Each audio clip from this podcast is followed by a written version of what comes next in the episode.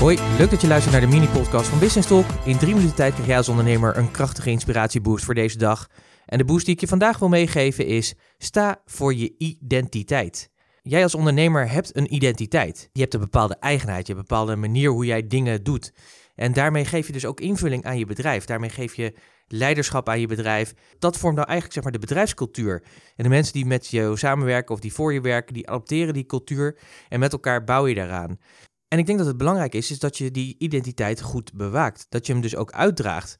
Want doe je dat niet, dan is dus de kans heel erg groot dat je dus eigenlijk een soort middelmatigheid, een soort middle of the road bedrijf wordt, die gewoon niet herkenbaar is. Want dat doet namelijk een identiteit. Een identiteit die zorgt ervoor dat je herkenbaar bent, dat je, dat je zichtbaar bent. En dat zit heel vaak natuurlijk, de identiteit die het meest zichtbaar is, dat zijn natuurlijk vaak het logo, uh, de dingen die we van je zien op je website of, of wat dan ook. Maar identiteit zit ook heel vaak in waarden, in kernwaarden en hoe je dingen binnen je bedrijf doet.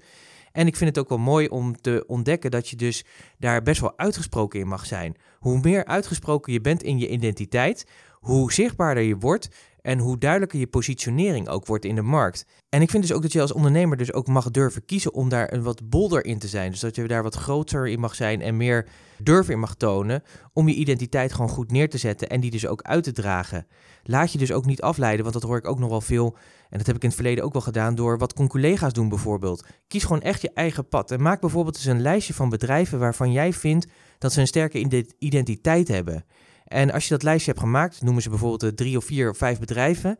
En bedenk dan eens, wat zijn nou de overeenkomende kenmerken? Wat maakt hun identiteit nou zo enorm sterk? Nou, waarschijnlijk ga je dan ontdekken dat dat te maken heeft met. Je gaat dan waarschijnlijk ontdekken dat dat te maken heeft dat ze het echt leven, dat ze het helemaal in hun DNA zitten, dat er geen concessies worden gedaan en dat hun identiteit echt wordt uitvergroot. Ik vind altijd een mooi voorbeeld is bijvoorbeeld de bierbrouwers.